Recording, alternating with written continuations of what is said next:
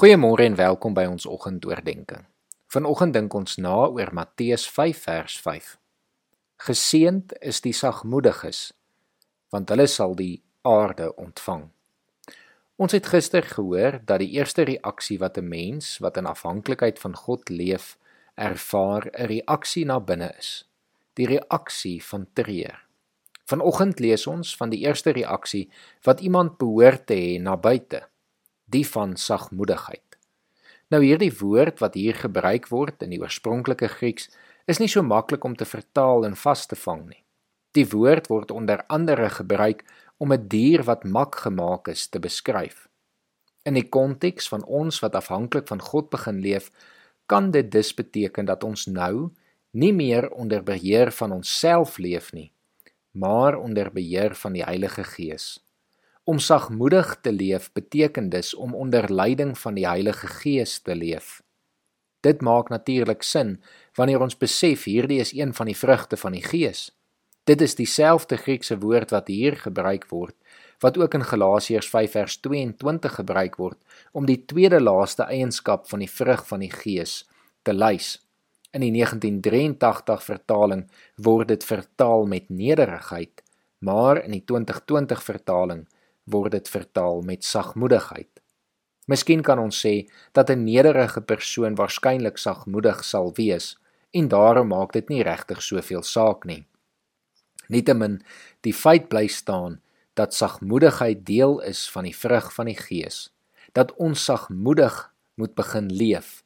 Wanneer ons onder leiding van die Heilige Gees begin leef en afhanklikheid teenoor God begin leef, kan ons nie anders as om sagmoedig met ons medemens om te gaan nie.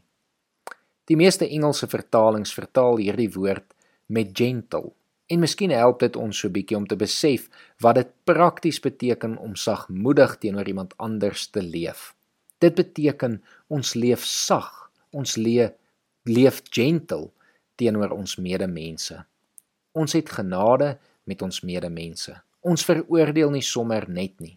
Ons probeer verstaan, Ons probeer omgee en ons probeer ondersteun. Weereens is hierdie die omgekeerde van die wêreld wat dikwels eerder in woede, ongeduld en hardheid wil reageer. Maar wanneer ons deel word van die koninkryk waar die dinge so bietjie anders werk, dan begin ons met sagmoedigheid reageer. Die belofte wat hiermee gepaard gaan, sê vir ons, want hulle sal die nuwe aarde ontvang.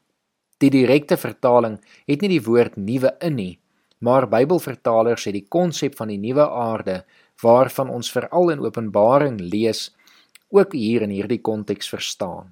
Want die nuwe aarde gaan natuurlik aanbreek met die koms in totaliteit van die koninkryk van God. En wie gaan in da van daardie nuwe aarde in beheer wees? Die sagmoediges.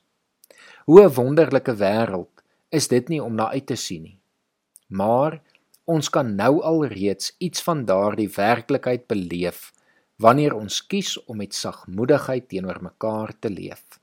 Ek sluit af deur nog 'n paar verse waar hierdie woord voorkom vir ons voor te lees. Die bekende Matteus 11 vers 28 tot 30 en ek lees dit vanoggend vir ons voor uit die 2020 vertaling. Jesus is self aan die woord wanneer hy sê: Kom na my toe, almal wat vermoeid en swaar belas is, en ek sal julle rus gee.